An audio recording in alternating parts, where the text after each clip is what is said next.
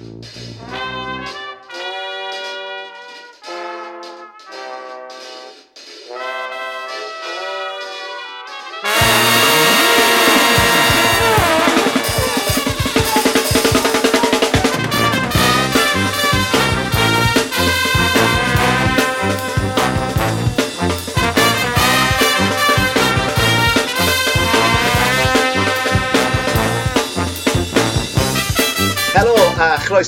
benod 22 o Sbeidiau Heilog gyda fi, Llwyd Owen. A fi, Lee Jones, lle byddwn ni'n rhoi sylw i'r pethau bach sy'n gwneud gwahaniaeth mawr i ni yn ystod y cyfnod hollol honco hwn. Ie, yeah, wir. So, ni yn bodlediad hollol anibynnol. Um, ehm, so, ie, yeah, gallwch chi ein gwrandawyr hyfryd ein helpu ni trwy rhannu, aildrydar, tan ysgrifio, pethau fel yna. Gwedwch wrth y byd uh, am ein podlediad bach ni. Ie, yeah, wir. Uh, at Ysbeidio Heipod ar Twitter, uh, dilynwch ni. Uh, yeah. Os ydych chi'n mwynhau'r podlediad, dwedwch wrth eich ffrindiau. Os ydych chi ddim yn mwynhau'r podlediad, dwedwch wrth eich gylynion. Um, Stym ots dyn ni pwy sy'n gwrando. just, just bod nhw one, really. Um, Llwyd, mae gyda ni westau heno. Dyn ni wedi dyn ni, well, dyn ni wedi mynd off ein, uh, ein schedule ni, lle dyn ni'n mynd bob yn ail wythnos efo, efo gwestiau. Ond, ie, uh, yeah, pwy sydd yma? Reit, he, boes bach yn cadw cwmni ni ar y benod hon. Mae dyn diddorol tu hwnt un o grachach gwreiddiol Caerdydd.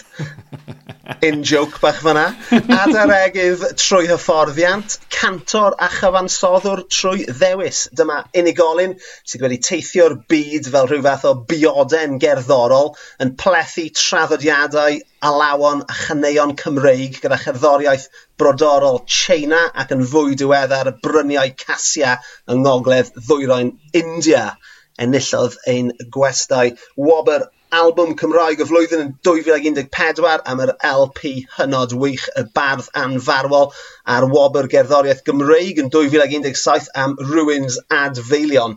Ers dwy fil a phump mae e wedi rhyddhau 5 albwm a pedw- pedair EP. Dyma berchenog, un o farfau mwyaf godidog o wlad sydd bellach yn ddoctor er na fydden ni'n gofyn iddo am gyngor meddygol chwaith. So croeso mawr i'r pod i Dr Gareth Bonello. Mae'r barf, ti'n ddod mae'r barf wedi cael trim, right? Cos oedd na... Oedd na promo shots gyda dy album newydd di, ac oedd y barf yn masif. Mi oedd, ie. Yeah, Um, oedd y gwallt mawr hir dy fi ar yr un adeg hefyd, ie. Ie. Ie, mae ma, ma, ma Jen wedi bod yn brysur gyda sisiwr yn ddiweddar, ie. Ti'n eich yn drosiadus iawn heno. Diolch yn fawr. Fel i chi. Croeso mawr i'r uh, pods, Gareth. Um, diolch yn fawr. Fi a, fi a Lee yn, yn fans masif o dy waith di, uh, so diolch Tewo, am roi o dy amser i siarad gyda ni heno a nawr mae Lee yn mynd i ofyn cwestiwn holl bwysig i ti. Beth yw dy hoff gaws di Gareth? Wel, o'n i'n trafod hwn gyda, gyda ngwraig Jen Gynne a oedd hi'n efo'n cytuno dy fi, mae fe'n yn dibynnu ar y sefyllfa, achos dwi'n fan mawr y gaws, a mae'n dibynnu ar pa fath o bryd, neu pryd yn ystod y dydd mae fe. Um, ond, fel arfer, os o'n i'n cael rhywbeth yn caws am ginio, byddwn i'n mynd am rhyw fath o cheddar, rhywbeth fel yna, ond Ar ôl pryd o fwyd, ie. Yeah. Ar ôl pryd o fwyd, byddwn ni'n mynd am rhywbeth bach mwy las. Um, mm. um, ond dwi'n meddwl, os o'n i'n gofod dewis, siwr o fod rhywbeth fel, ie, yeah, rhyw fath o caws glas, fel falle perlas neu rhywbeth fel yna, rhywbeth sydd yn, sydd yn llawn pethau, uh, yeah, llawn, llawn y, y, y mildew yna. Uh, Dwi'n dwi hoffi hwnna gyda glas. Gwythiennau. Gwythiennau yeah, drewllyd. Oh, yeah. man, fi'n caru caws glas fe hynna'n yeah. Absolutely caru stuff. Nawr mae ma Lee falle bod ti ddim yn gwybod, mae Lee, dwi Lee ddim yn hoffi caws o gwbl. Um, no. So ti a fi nawr yn mynd i siarad am pa mor lyflu yw caws gwythienog drewllyd, yeah. a mae Lee yn mynd i teimlo bach yn sic. Ie, mae yeah, ma hwnna'n hollol hyn lle fi, achos y be, be dwi ddim yn hoffi am, am gaws yw like, yn union be mae pobl yn hoffi am caws glas, a hmm. just... Mm Yeah, so go yeah. for it. So ydy fe'n... Sorry Lee, i just i, i ffocysu arno ti. Ydy, ydy, ydy fe'n ti teimlo bach yn sound ti'n aroglu cawsglau i fod o gwmpas e, ti'n mo? Um, Wel, well, dwi'n siŵr, nid really. Mae'n dibynnu ar, ar, ar ba mor drawllu dwi e, really. Um, yeah. Hmm. A mae hynny'n wir am bobl sy'n hoffi caws hyd yn oed, ti'n gwybod? Mae yeah. ma, ma caws cryf yn gallu gwneud i, i bobl... Uh, beth i gair? Uh, Wel, Dwi jyst ddim yn gallu meddwl heno. Dwi'n teimlo mor sal a hynny. Dwi just, ie, just yn colli, colli ffocws, just yn meddwl yeah. am, am gaws glas. Um, so, yeah. so, so, Gareth, wyt ti yn un sydd yn, ti'n gweud bod ti'n bwyta caws ar ôl cael pryd o fwyd, so ydy hwnna'n, wyt ti'n hmm. yn, yn, yn cael fath o'r cheese plate? Ti'n costio 5 pint yn ychwanegol mewn bwyty neu... Dim fel arfer. Fel arfer, dwi'n cael... Mae'n caws adre, gawn ni caws adre. Dwi'n rotri tight, Dwi'n rotri tight, ie, ie, ie. Mae'n caws a mae'n rhyw fath o glasyd o wyn. Na, amser doleg fel arfer byddwn ni'n cael uh, caws glas, byddwn ni'n meddwl. Neu weithiau yn y geia am a pryd o fwyd, um, lle mae ydych chi lot o amser uh, rhwng, rhwng cwrsiau neu beth mm. allan o beth. Ond... Um, Ie, yeah, dwi'n gwybod, ddim... Ie, yeah, os o'n i'n trial helpu rhywun i ddod i hoffi caws, byddwn ni ddim yn dechrau gyda caws glas, sa'n meddwl. Na, dim um, Mae fe'n rhywbeth, dych chi'n tyfu ti ag at, dwi'n meddwl, mm. um, yeah, yn y broses. Hollol o'n i'n, ti'n mo, yeah. o'n i'n, fi'n gallu cofio, ti'n mo, just, just, just rhyfeddu bod unrhyw un fel fy rhieni er enghraifft yn gallu bwyta caws glas, ac o'n i'n, ti'n mo, fi'n gallu cofio meddwl mae hwnna'n absolutely disgusting. Ond yeah. nawr, fi eisiau'r caws mwyaf drewllyd yeah. ar gael os gwelwch yn dda. Ti'n meddwl falle, ydych chi'n dysgu, dwi'n i ddim yn siŵr, ydych chi'n dysgu bod yr arogl ddim o reidrwydd yr un peth ar blas? Dyna yeah. rhywbeth fel yna? Ie, yeah, mae fe'n weird yn dweud, achos yn aml mae'r ca- ma'r caws yn yn, yn yn arogli fel bod e off, right? Ydy. A ma' fe. Ma' fe. A ma' fe off. Ma' fe off, ydy. So, so er, ni, ni wedi siarad am y stinking bishop ar y podlediad ah. yma o'r blaen, a fi'n siŵr yeah. bod ti wedi dod o dras, ond mae'r ma stinking bishop yn wirioneddol yn neud eich fridge chi arogli fel pw. Mae hwnna'n wir. Chi'n agor, chi agor y fridge, a mae fe'n arogli fel pw. Chi'n rhoi e ar t'mo' cracker gyda bach o chili jam a mae fe'n blasu ti'n Ie. yeah. fel o di-dog. ...gwrthwyneb o pŵ. Fe'n! Sa'n gwybod beth yw'r gwrthwyneb o ond... Um, yeah. Ond ie. well, stinking bishop o'r cracker, apparently. Oh. Yeah. so, so sut, sut, sut ydych chi'n gallu blasu rhywbeth heb arogli fe? Dwi'n meddwl bod, bod chi yn aroglu, e, ond wedyn mae'r blas yn cymryd rhywbeth, neu adio i'r arogl, yeah, ac mae'r cyfuniad yn gweithio, dwi'n i ddim. Falle mae'n rhyw fath o ymchwil uh, yn cael ei wneud rhywle yn, yn Ffrainc byddwn ni'n dychmygu. Mae e ma e yn weird, ydw e, ond... Um, Yeah. Mo, a, a, a hefyd, fel nes i grybwyll ar top y, y, y, yn yr intro fyna, ti di teithio i lefydd um, modd, pellenig uh, i, i China a i'r Indian benol. Ti di, mm. gofod, ti di bod Dwi'n gwybod byswn i bod i, i lefydd arall hefyd, ond uh, gan gan t'mo' feddwl am y ddoe yna, beth oedd yr arlwy caws fel yn China? Does dim caws na, goes? O, dyna'r peth, ie. Yeah. Dyna beth sy'n diddorol iawn, ie. Yeah. Dych chi ddim yn dych chi'n gael unrhyw caws, sy'n meddwl, pan o'n i yn China. Ah. Um, does dim diwylliant caws yn, ben, yn, yn bendant. So, uh, ac, yn, ac yn India i wedi gwir, byddwn wel, o, ble, o be dwi wedi gweld, um, ti'n meddwl, dyna'r peth, mae fe'n peth eitha Ewropeaidd. Um, okay. O neu, mae droddodiad dwi'n gyfarwydd â, mae'r caws i gyd dwi'n nabod, i gyd yn dod o Ewrop.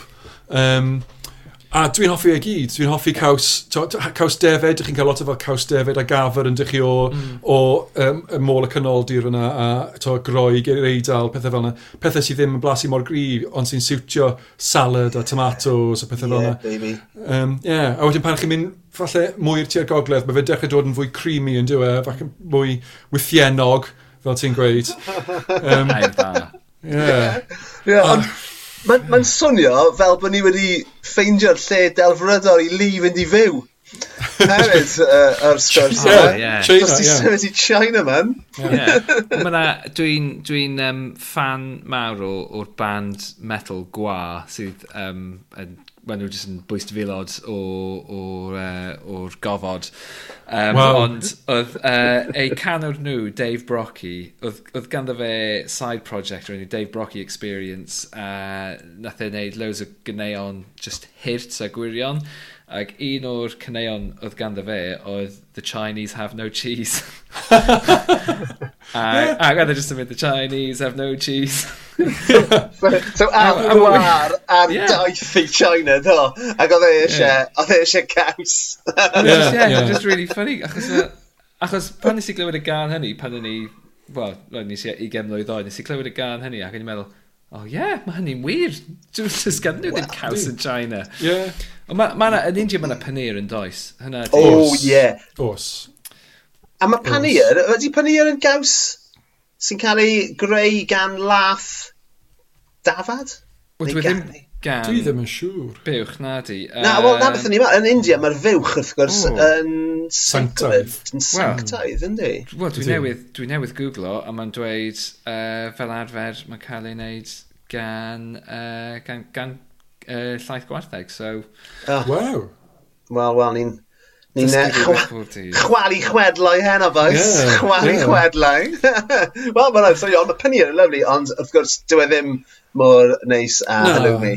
Dyna un o'r pethau pan, pan, pan ti wedi tri lot o amser yn India a China, dyna un o'r pethau ydych chi yn sylweddoli fel person Ewropeaidd yw, dydy caws ddim yn rhan o'r, or bwyd bob dydd, neu yeah. dych chi'n chi stryglan i ffeindio caws unrhyw le. A to, dibynnu be chi fel, falle chi'n colli fe chydig bach, ond... Um, fi, just, fi just yn meddwl, faint o gaws dwi wedi bwyta heddiw, nes i gael omlet i frecwest gyda caws yna fe. Tia un o'r ddeg o gloch y bore wedyn, nes i just gael un slice o emmental, just cheeky bach i gadw i fynd. Just yn trio mal, be ges i, be ges i ginio? Sa'i so, gallu cofio be ges i ginio, ond, um, o, oh, fi yn, dim caws i ginio, ond heno no. wedyn fi wedi cael parmesan a mozzarella ar fy, ar fy spaghetti heno. Lovely. Um, so ie, yeah, gallen ni ddim byw heb ddo fe. O, gwbl. Na. Mae fe'n rhywbeth gyfarwydd iawn, a ie. Yeah.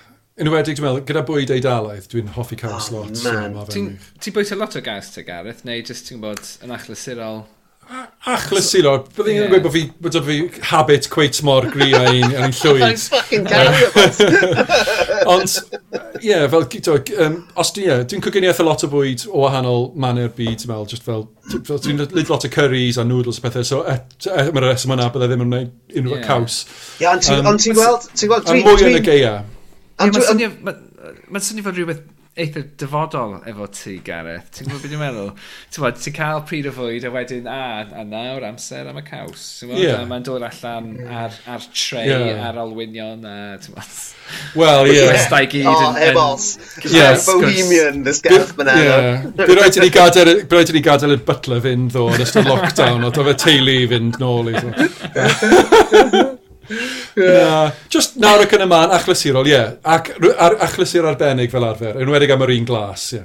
Ie, fi, fi ddim yn bwyta uh, caws ar achlysuron arbennig a mae hynny i frecwas cinio a te. Sydd yn, ie, Ie, bob un o'n nhw. Superb! Wel, na ni te, ni'n gwybod pa fath o gaws mae Gareth Bonello yn hoffi te. Um, A mae nawr yn amser i ti ddatgelu y peth cynta sydd yn wneud ti'n hapus y dyddiau hyn. Wel, um, ti'n meddwl, un peth sydd wir yn wedi wneud yn hapus dros cyfnod lockdown yw uh, pil fasged. Mm, um, really? Ie. Yeah. Dwi, dwi ddim, mae dy fi perthynas eitha, ie, yeah, diddorol gyda Pil Fasged, a dwi ddim wedi chwarae lot dros y flynyddoedd, a wedyn, just, just yn ddiweddar dros y flynyddoedd diwethaf, dwi wedi mynd nôl ati ar ôl chwarae pan o'n i'n ifanc chydig bach. So, sorry, just i, just i, just hmm. i, i, i fod yn hollol glir, ti'n ti meddwl chwarae pel fasged yn hytrach na yeah. gwylio pel fasged? So, ti'n... Na. Yeah, ti'n mynd lawr i'r um, cwrt lleol? Ydw, ma... Haslo? Wel, um, neu gael fy hyslo fel arfer bydde. Ie, yeah, um, ti'n ffodus iawn, dwi'n byw yn, yn Rhegana, mae yna cwrt hyfryd lawr yn, uh, yn Parc Victoria. A am ryw reswm, dwi'n gallu sydd dwi'n pelfasgau ddim o'r boblogaidd yma, di o gwbl, yng Nghymru. Okay. So does neb fyna, byth. Um, felly, yn ystod lockdown, achos bod fi'n yn y stafell yma trwy'r amser, um, o'n i just eisiau treulio bach amser ti fas, a o'n i'n ffeindio bod fi'n gallu mynd lawr yna'n peth cyntaf yn y bore, seithio, seithio gwmpas am ychydig bach, cael bach am afrau corff, cael bach o awyr iach. Mae fe'n cwrt hyfryd, mae yna wywerod yn rhedeg o gwmpas, mae yna adar yn y coes. Dyfe nhw sy'n hyslo ti. Ie, yeah, fel arfer, ie. Yeah. Mae ma, ma un o'r wywerod, mae dyfe mean jump hook. Yeah. Ond Ie. Mae fe just, mae fe just yn, mae'n rhywbeth eitha zen amdano fe pan ych chi ben eich hun, yn um, mm. mynd mewn trwy, trwy sort of, symudiad y corff, uh, y ffordd mae'r pêl yn sort of hedfan. Mae'n lot i wneud, mae'n lot o balance yna fe. Mae fe'n eitha kind of, uh, mae fe'n wir yn helpu fi ymlacio. Mm. Amazing. So, so wyt ti'n mynd lawr, ti'n mynd lawr na ar ben dy hunan? Os gyda mm. ti ffrindiau sy'n chwarae gyda ti o bryd o gilydd? O bryd o gilydd, os. Um, dwi wedi bod yn... Um, uh, anfon negeseuon i uh, Richard Chitty, chi'n abod Rich, yeah. o Bubble Rap Collective, sy'n sy redeg y label, sy'n rhyddhau lot o records fi. So mae Rich hefyd yn chwarae. Um, felly, nawr ac yn y man, dyn ni'n mynd lawr y dau ohono ni, ni'n cael chat. Neu falle hyn oed fel business meeting, ti'n um, so, basketball. Fel maen nhw'n neud e. Yeah. Fel maen nhw'n neud yn American films gyda squash, ond gyda tyle basket. yeah. Ond sleb yn gwisgo, sleb yn gwisgo silly goggles yna, ti'n Wel, mae'n um, amser dod nhw'n ôl. yeah. A Rodri Brooks, mae Rodri Brooks newydd symud lawr yr awl i fi, so mae fe, mae fe newydd uh, dechrau pigo lan pil fasged. Ond mwy am, yeah, ar, well, rhan fwy ar amser, just Trwy, diwe. Trwy dyfylanwad di, mae di dechrau. Uh, yeah. yeah. So, dyna beth dwi'n neud, just yn signo pobl mewn i neud pethau dwi'n moyn i nhw'n neud. so dyna, dyna tri ohonych chi, so mae angen dau arall i chi, gan yeah. tîm. Ie, yeah, ie, yeah. dyn ni ddim yn bell. Neu falle, falle, falle cwpl, cwpl o rywerod. yeah. So, ti'n mynd lawr ar ben dy hunan, mm. -hmm. a ti, ti, ti, wyt ti'n ymarfer dy driblo, neu wyt ti just yn, just yn seithi?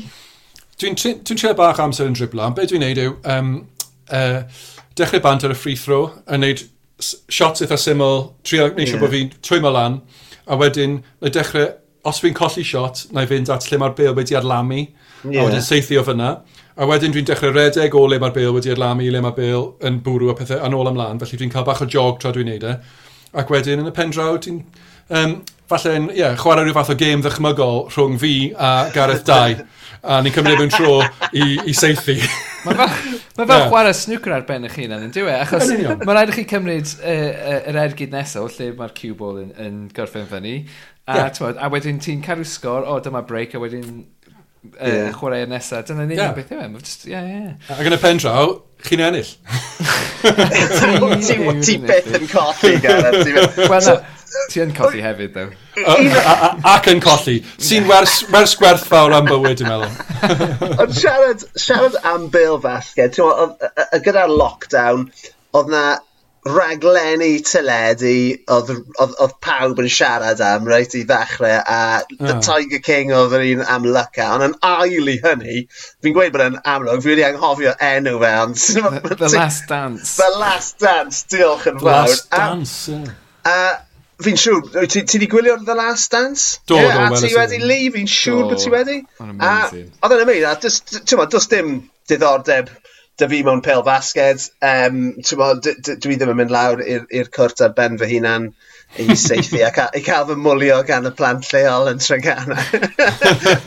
Ond o'n i genuinely'n riveted gan The Last Dance. Mm. Yeah. A oedd e'n, amazing. Oedd e'n really yn anhygoel o stori a mae'r sgiliau just yn uh, angredadwy a beth oedd, beth oedd Michael Jordan a'i, ai t'mo' i gyd chwaraewyr yn gallu wneud. Oedd a odd e'n odd fi'n speechless ond un o'r pethau sy'n aros yn ynghof i fwyaf am y am y gyfres a mae hwn yn yn berthnasol i ti ar ben dy hunan yn y cwrt oedd, oedd y boys, am sôn nhw'n seithi, yn ymarfer seithi nhw oedd gyda nhw rhyw fath o sleid o dan... O, o dan y... ...y basged. Ie. Pam so o'n nw'n neud y basged odd y bêl yn dod nôl at nhw yn syth. Ie.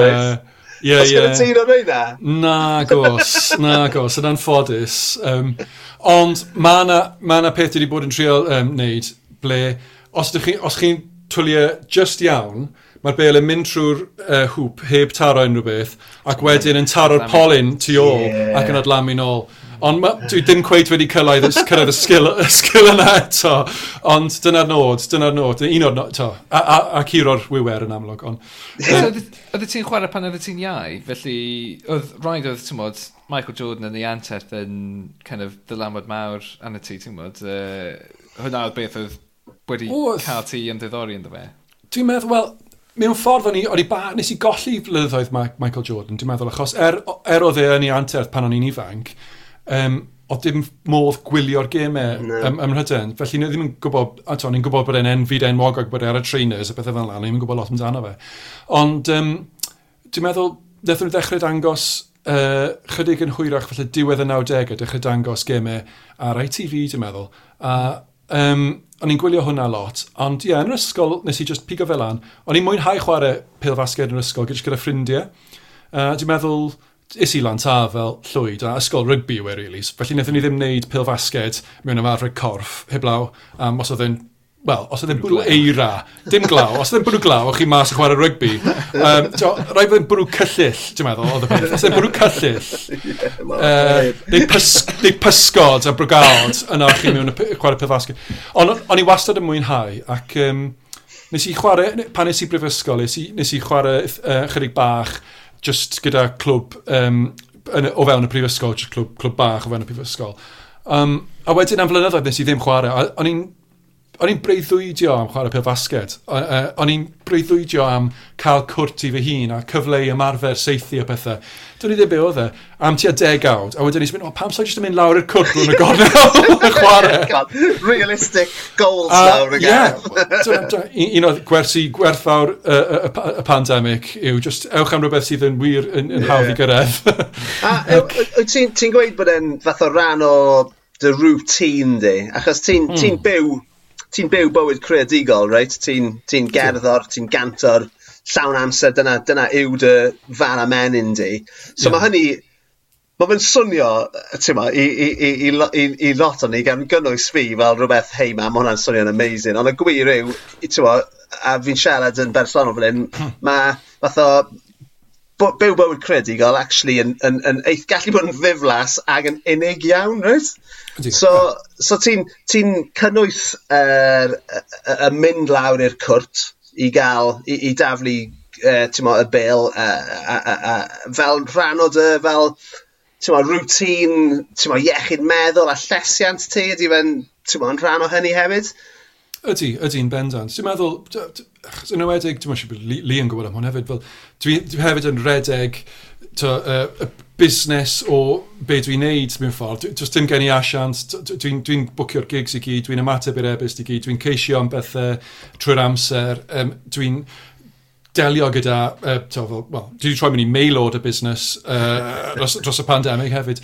A dwi'n meddwl, dych chi yn treulio lot o amser, chi'n gallu treulio wythnosau just yn eistedd gwmpas cyfrifiadur mewn stafell, yeah. a ddim yn neud unrhyw beth creadigol mm. o gwbl. A uh, actually, mae trio ffeindio'r amser i wneud y stwff creadigol, gallu cael ei gymryd drosodd gan y holl admin yna. Mm. A dwi'n meddwl, weithiau mae'n bwysig gallu cymryd eich hunain allan o uh, holl awyrgylch yna, y holl le yna, a cael bach yma rhywcorffos yn, yn, yn, yn ddelfrydol hefyd. A hefyd, chi'n mynd nôl wedyn gyda falle cynllun o beth siwr chi'n mynd i treulio diwrnod. Mae fe, mae fe, chi'n gallu gael eich sycio mewn, ydych chi'n gallu gael eich denu mewn i ryw tyllau yma uh, ar y we trwy'r amser. A, yn wedi gyda rhywun fel fi, dwi'n defnyddio uh, cyfryngau cymdeithasol fel uh, Facebook a Twitter i, a, a Instagram i rhannu'r gwaith dwi'n neud, ond wedyn yn y broses o wneud hynna, dwi'n cael signo mewn i'r holl tyllau yma. Uh, yeah a dwi'n gwastraffu llwyth amser, a weithiau mae fe'n bwysig jyst treulio amser i ffwrdd o hwnna'n dwi. E? A, so yn bendant wedi helpu gyda iechyd meddwl. A fel ni'n gweud, mae yna ma na, ma na broses, um, mae fe'n rhoi fodd hard hefyd, mynd i wneud rhywbeth yn, to, tro ar ôl tro fel hynna, le ydych chi'n cael boddhad yn y gwelliant ydych chi'n cael, hyn mhm. oed os mae fe jyst yn i chi eich hunain, ynddo fe? jyst yeah. pethau bach, fel jyst yn dod yn bach, bach yn well at twli bel mewn hwp metal. Ti'n ddim yn bwysig o gwbl, uh, un, ond mae fe jyst yn helpu am rhyw reswm i fi. Ydy fe... Sorry, Lee. Wel, dwi'n dwi, dwi, dwi teimlo'r un peth, dwi'n uh, chwarae gêm a cyfrifiadau, dwi'n dwi, dwi chwarae gêm Tony Hawks ar hyn o bryd, a dwi'n just yn gwella tipyn bach a tipyn bach, dwi'n neud, dwi neud speedruns ar hyn o bryd, lle ti'n gorfod neud pob dim yn y lefel mor gyflym ar chi'n gallu, a just marginal gains, ti'n gwybod, ti'n gweld, yeah. oh, dwi wedi neud hwn, a dwi'n gallu neud e o fewn hyn o amser y bynnag. Obviously, ti'n chwarae gêm a cyfrifiadau, dwi ddim hanner mor dda i chi, Uh, ag, actually gadael y tŷ a, a gwneud ymarfer corff. A, a, a ti'n modd, mae ma cael y uh, gwahaniaeth chymod, corfforol rhwng y man dych chi'n byw a'r man dych chi'n gwneud chymod, y rhan fwyaf o'ch gwaith chi a gwneud rhywbeth mewn man arall. Mae hynny'n bwysig dros ben yn diwy. Ydy, yeah. ydy. Ydy, yn bendant. A mae'n mae bwysig clirio'r pen hefyd, mm. meddwl, fel ni'n gweud. Achos... Well, na, na, na beth o'n i eisiau gofyn i ti, Gareth. Um, Dwi'n dwi, dwi mae ma' fy ma' fy sydd creadigol i yn cael ei danio ie ma' wnna yn ycha fi sori Um, ond mae fe'n cael ei danio gan um, gweithgaredd corfforol fel e, er enghraifft just, just cerdded y ci yn ama ie yeah, ie yeah, Lee welwn ni hwnna. Yym f- fel t'mo' just, jyst cerdded neu neu mynd i redeg o'n i'n arfer um, gwisgo, gwrando'r gerddoriaeth neu ar podlediadau, ond mm. uh, dwi'n tueddu peidio nawr, achos dwi wrthi yn, uh, yn, yn, yn, yn cynllunio nofel newydd, a fi'n ffeindio bod jyst mynd am run, dwi'n dwi gallu cael fath o overflow o, o syniadau mewn hanner awr o, o redeg. Wyt ti'n ti ffeindio bod yr un peth yn gallu digwydd i ti hefyd? Ydy, ydy yn bendant, a um, dwi'n mynd, dwi mynd mas ar y beic eitha lot hefyd, a yeah. mae'r un fath o beth yn digwydd. Yeah. Dwi'n meddwl, just, yeah, o, just, just yn bod mewn, just bod mewn awyrgylch gwahanol, awyr, awyr iach, um, yeah. a ddi, ddim, ddim cael y peth yna ble mae yna sgrin o'ch flaen chi a ydych chi yeah. wastad gallu mynd amdano fe, neu hyn oed bod chi'n meddwl am mynd amdano fe, bod chi'n anghofio'n gwbl am popeth arall, a wedyn dyna le, mae yna ma le yn eich meddwl wedyn am syniadau newydd i ddod mewn. Um, yeah. Na. Chi'n prosesu yeah. pethau sydd wedi bod ar eich meddwl, o chi ddim yn sylweddoli tan bod chi'n cael amser i actually feddwl. Well, Dyna'r thing dwi wastad di, di siarad amdano fe, yw, chwm, mae'n rhaid i chi bwydo chi sy'n wybod chi.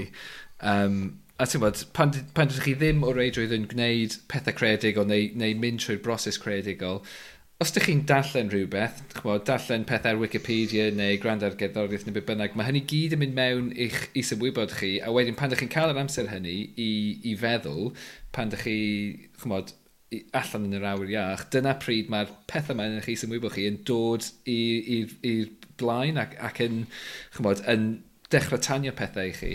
Um, yeah. A Ie, yeah, dyna'n unig beth yw e, yn fy marn i, yw, yw mae'n rhaid i chi bwydo chi sy'n wybod chi, ond on, mae'n bwysig iawn hefyd i chi gael yr amser a'r lle hynny i, i allu, chymod, um, mynegu'r syniad yma. Ie, yeah. yeah. yeah. So os, os na, ti'n meddwl, mae'n ynghlwm gyda fe, os na, os gyda ti broses o ysgrifennu can er enghraifft, os, os na ffordd i ti'n neud, neu ydyn nhw, ti'n meddwl, i gyd, ydy'r broses yn newid bob tro? Um, mae fe'n newid. Um, dwi'n meddwl, dwi'n hoffi cymryd fy amser gyda gyneuon. Dwi ddim yn um, un o bobl yma, dwi'n meddwl Hank Williams weid, os ydych chi ffili sgwennu can mewn i gyd munud, dwi'n werth sgwennu. Um, well, os, os, os o'n i fel na, byddai dim byd da fi o gwbl, byddai ni ddim wedi rhyddhau pum record. Um, ond, ie, yeah, dwi'n meddwl, um, i fi, fel arfer, dwi'n dod, dod lan gyda rhyw fath o syniad gitar, a eto, fel, fel oedd Lee yn sôn am, mae yna angen creu yr amser a'r, ar, ar lle i eistedd lawr gyda'r gitar a jyst chwarae heb, heb gael unrhyw fath o nod falle. Mm. A wedyn cael syniadau allan o hwnna. A wedyn falle, to, thnosau wedyn mynd nôl i'r un syniadau a trial nhw to a gweld sy'n mae pethau'n mynd. A fel, oh, actually, mae yna rhywbeth rhywun. Neu, fel arfer gyda fi, mae yna rhyw fath o linell, linell melody wedyn yn dod gyda'r syniad ffordd arall dwi'n neud y weithiau, mae rhyw fath o, mae yna topic, neu mae yna linell, dwi'n meddwl, dwi'n moyn sgwennu am hwn, neu dwi'n moyn rhywbeth sy'n poeni fi hir enghraifft, dwi'n moyn sgwennu gan am hon, siw byddwn ni'n siw byddwn ni'n mynegu hwn mewn gyddoriaeth, y pethau fel yna. Um, ond yn wedi yn y dyddiau cynnar, dwi'n meddwl, mwyn lai, just eistedd lawr gyda gitar am oriau oedd e. Um, ond fydde ti wedyn, sorry Gath, a fydde ti wedyn mm. yn recordio fath o, ti'n mo, y jam sessions yma ti'n cael mm. ar hmm. ben dy hunan, a mynd nôl a gwrando ar y recordiad neu, neu, neu, neu, neu, neu sio oedd e'n gweithio? Ie, yeah, dwi yn nawr. O'n i ddim pan o'n i'n pan o'n i'n dechrau, achos oedd ddim yn hawdd wneud hwnna, um, o dim mm, da fi modd, modd i recordio. So, Felly, ti'n meddwl, o'n i'n gorfod chwarae fe drosodd a throsodd tan bod fi wedi cofio o leia spard, o leia sbardun a wedyn o'n i'n iawn i adael e a wedyn gobeithio bydde fe'n dod nôl Um, ond yeah, erbyn heddi, mae'n digon hawdd, mae'n dwych chi ffôn, chi'n gallu gwasgu record, a wedyn mae'r syniadau, a mae yna bethau yn para wedyn, mae pethau byddwn ni byth wedi cofio, it's just rhyw random syniad bach sydd wedi dod trwy uh, to hwyr yn os, a dwi eisiau mynd, o, oh, yeah, mae hwnna'n neis, recordio fe, a wedyn fi anghofio amdano fe, a wedyn wythnosau wedyn yn mynd nôl, a mynd, oh my gosh, mae yna rhywbeth yna. Yeah. Ie, yeah, mae'r ma, ma un peth gyda fi, mae'r ffôn, ni'n dwrdio'r ffôn a gweud bod e'n rhywbeth sy'n sy gallu neud i ni golli ffocws, ond hefyd mae fe mor handi, reit? Achos Ydy. fel, fel ti, yn, mo, yn aml, fel ddoi, ond on, nes i ori i uh, Chester Zoo ddoi, a, um, oh. ag, yn y car, oedd, oedd, ma, ag eto, mae'r car yn, mae gyrru mm. rolau yn, yn, yn gallu helpu gyda'r meddwl i fi. So, so mm. mae gen i'r ffôn, a, a, a fi wedi dod nôl gyda ti a chwech neu saith nodyn, ti'n clywedol ar yn ffôn i, I was yeah. just in Gulliver. Felt Alan Partridge, innit? And, and, then in your bin. it must not repeat, not in your all night raid. Yeah. yeah, but but but Han hanfodol, really. Uh, But oh. beth, i, i, i paraphraso uh, Homer Simpson, um, so oedd yn siarad am um, alcohol, os oedd siarad am ffôn, the, the, the, an, the, the, the, the reason... Oh, fucking I'll be a bloody quote. oh oh, oh, Beth yw'r gist? fucking hell. Ti'n cyfeirio gist? Ti'n gwybod be, mae hwn yn rhywbeth fi fucking gweud. Trwy'r amser. Beth yw alcohol, the... The cause, the cause of The and solution to and all of the world's all of life's pro- the problems, yeah. I'm a four, ffôn, oh, Yeah. mae'n gallu bod yn wir am ffôn Am hefyd. ffôn. Ond ie, hey, edit point fyna, Lee. Paid e- uh, paid embarrass fi nawr. Ti eisiau gwneud pick-up? yeah. Fucking hell, na, gadl gadle mewn, man. Fucking hell, who gives a shit? Oh, Ti'n moyn clywed y nodiadau am, am y zoo nawr? moyn clywed oh, pa fath o stwff. oh, man, mae fe'n mynd i, fynd, ma mynd i fod yn, yn, yn yr archif yn y, yn yr uh, Llyfrgell Genedlaethol am sy'n byddai'n i marw. Gedi mynd i wrando fyna. Excellent. Absolute nonsense. Na i anfon, na i anfon FOI i'r llyfrgell gen mewn 20 mlynedd. Ti'n mynd i farw cyn hynny, Ted Lloyd. O, oes. Sym yn hir, dim i ar ôl. Um, ar y nodyn yna, beth yw'r um, beth yw'r ail beth sy'n dod â gwein i dy wyneb di uh, Gareth Bonello? Wel, um, mae yna cymaint o bethau. Dwi'n trio, sort of, efo'n anodd, chos dwi ddim moyn meddwl aildroedio'r un fath o dir i ti bod yn neud, ond dwi'n siŵr, byddwn ni'n gweud to, yn amlwg chwarae cerddoriaeth yw un o'r prif bethau dwi'n dwi'n actually yn mwynhau wneud. Dwi ddim jyst yn neud e... I ennill arian. arian. Si'n mynd i sybryt, yn amlwg mae fe'n llwyddiannus iawn yn neud hwnna, ond... Na. Siarad um, t-shirt sales yn mynd. Ie, yeah, maen nhw wedi slympio ers a diwetha i fod yn honest. Ie, yeah, so sy'n rhywun yn gwrando, mae dal sizes ar ôl dyn ni. Na, ond um, Na, to, mae gerddoriaeth yn, yn, yn gallu fod yn diwydiant eitha rhwystredig a, a mae'n gallu gwylltio chi, ond os, dwi'n meddwl, os ydych chi'n mwynhau chwarae, mae yna rhywbeth amdano fe lle ydych chi ddim yn gallu gwneud yn rhywbeth arall, a dyna beth yw e i fi. Um, ti'n meddwl, oedd yna gyfnod le, o'n i'n meddwl, to, dylai falle just cadw, achos o'n i'n gweithio am amser hir uh, ac yn neud cyddoriaeth rhan amser, ac o'n i'n meddwl, dylai roi lan y job a neud gyddoriaeth, neu dylai roi lan y gyddoriaeth a cadw'r job. A nes i sylweddoli bod fi ffili stopio neu gyddoriaeth anyway. Yeah. Felly, byddwn ni just yn neud y ddau beth beth bynnag, ond just yn gwrw gyrru fy hyn mynd i'r baw fel petai gyda, gyda, gyda ymdrech. Felly nes i mynd reit, okay, dda ennill llai o arian, ond fyddai'n hapusach yn ei gyddoriaeth. A dwi'n meddwl, ma, ma, na, ma, dwi dal yn cael wefr o chwarae offerynnau, Uh, Mae'n wedi offerynnau acwstig. Um, a dwi'n meddwl, mae lot o gerddorion yn teimlo'r un fath yn dyn nhw. Sawl um, offeryn wyt ti wedi meistroli neu hanner meistroli erbyn hyn? Yeah. Hanner meistroli yw'r term. Um, I gyd. Faint ti'n gallu chwarae uh, i'r fath safon lle ti'n gallu impresio rhywun fel llwyd? o! Oh, Ti ddim yn gwybod yn well. offer yn y... Mae'n offer yn y GHP go lan, wy'n siŵr, byddwn ni'n gallu gwneud hynny. Na. Na, dwi'n gallu... Ges i wersi ar y sodd grwth a'r piano pan o'n i'n ifanc. So, rhwng 7 a 15 uh, o'n i'n chwarae, a ges i gwersi ar y uh, sodd grwth yn yr ysgol a piano uh, tu fas yr ysgol. So, ti'n gallu darllen cyfrwyddiaeth? Dim wir na. Dwi'n gallu... Dwi'n dwi, dwi oce. Okay. Dyna oedd un o pitfalls fi gyda gyddoriaeth. Dwi, nes i ddim wneud y theori o gwbl, ac felly... Um, yeah, dwi ddim wedi cyrraedd... Nes i wneud gradd ti'n pedwar ar y piano, falle tri, na, pimp ar y cello, pedwar ar y piano, neu falle tri ar y piano. Felly, ni ddim, o'n i ddim safon uchel, um, just yn gallu chwarae, ond, um, yeah, ti'n meddwl gyda y soddgrwth, o'n i'n chwarae mewn cerddorfeidd, um, to, uh, to, youth orchestras a pethau fel yna. Ond achos o'n i ddim yn gallu darllen y gyddoriaeth, o'n i'n meimio rhan fwy o'r amser, achos o'n i'n gorfod, dysgu'r glist. Eh? Felly nes i dreulio flynyddoedd yn, tri, yn trial chwarae, ond wedyn yn sylweddoli bod fi ddim yn gwybod, a jyst bod e'n well bod fi jyst yn meimio. No way! Ie. Yeah. Achos, ie. Uh, yeah. Dychmyg os e hanner y gerddorfa neud yr un peth. Ie. Mae'n sut mae Coran gweithio hefyd, ddew, yn diwe, Ie. Os ydych chi ddim yn siŵr... Sorry, chi'n chwalu rhyw, falle dim y fourth wall, chi'n chi chwalu rhyw wel, mae'r cor, mae ma, ma aelod y cor yn, yn, yn, yn meimio. I mean, fi'n gwybod, nes, nath e ddigwydd i fi amser o'n i yn, yn yr ysgol, amser nath yeah. y llais i torri. Dwi'n meddwl, ie, corau mawr, a tymod, y corau lle mae good social side, mae lot o bobl yn, tymod, yeah. ddim yn tynnu pwysau. Waw. Achos, yeah. gael fi y stori, stori hollol wir i chi, so amser o'n i ti, yn blwyddyn gyntaf yn Glantaf, A oedd o- nath mam gorfodi fi fod yn y cor, oedd hi fel ti'n gorfod bod yn y cor am flwyddyn. Alright fine. A nath i'n neud yr un beth i fy mrawd i sydd dwy flynedd yn hyn na fi ti'n gorfod bod am flwyddyn alright fine. National so, Service. Fi, yeah, pretty yeah. much. A so fi a fy ffrind i Rodri Joyce ag, ag um, um, Alan Saunders, na dim Alan Saunders, Alan Simpson, y tri o'n ni yn cael yn gorfodi gan yn mame i fod yn ein rhieni, anyway, i fod yn y cwr. A oedd na gyngerdd mawreddog yn neuaf Dewi Sant, rhywbryd yeah. yn ystod y flwyddyn. A o'n i, on i yn yr ymarferion cyntaf gyda mics A fel oedd e'n digwydd, oedd fi, Alun a Rodri yn sefyll wrth... Just, oedd y mic reit o'n blaen ni. A basically oedd y tri o'n ni methu canu. Right? Oedd yn ceisio ni just, just yn y broses o gwympo. A dyma, dyma Mr Guy, ti'n cofio Mr Guy, fi'n siŵr. Of course, of course. The, the legend uh, that is. The legend. Yeah. yeah. Um, Van der Volk ei hun. Um, a dyma fynd o draw, a dyma fe basically mynd, boys, So chi'n gallu canu, so dyma'r dewis. Chi yn symud i ffwrdd o'r mic, neu chi'n meimio. Be wnaethoch chi? Chi'n...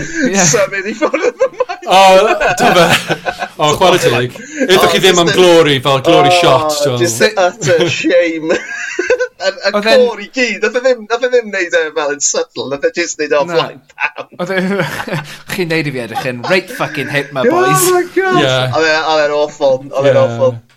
Yeah. Neu ni. O'n i'n sylweddoli bod yna'n actually'n digwydd gyda oedolion hefyd.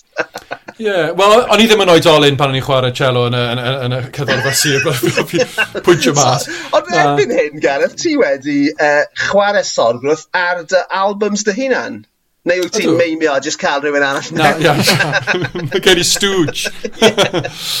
Na, na, ti'n meddwl dyna peth gyda gyddoriaeth i fi. Um, Dwi'n dwi, dwi, dwi chwarae wrth, wrth glist a yeah. dyna'r dyna peth. A gyda offer yna, yn wedig offer yna llunynol, mae yna just dechneg o chwarae a um, o'n i byth yn cael trafferth o chwarae yr offer yna hunain, just yn chwarae be o pobl yn rhoi o ah, blaen. Ah, right, yeah, yeah, um, ac ti'n meddwl, um, dwi wedi mae angen lot o amser, mae angen lot o amser i marfer a jyst chwarae a ffeindio, yn i'n ffodus gyda'r gitar, achos nes i ddysgu fi hi'n chwarae gitar, a wedyn, ti'n meddwl, oedd lot o amser da fi i ffeindio arddull oedd yn siwtio fy personoliaeth i a'r ffordd dwi'n hoffi mynegu fi hun ar y gitar. A dyna beth sy'n mor ddiddorol, dwi'n meddwl, am yr offeryn yna yw, mae rhan fwy o bobl sy'n chwarae wedi dysgu hunain, a mae gan bawb mwyn lai arddull i hun wedyn. Mm. Um, achos ydych chi'n chwarae mewn ffordd sy'n siwtio pa fath o bibto, pa bynnag siwm eich bysedd yn gweithio, peth ych chi'n hoffi, siwm eich clist yn gweithio.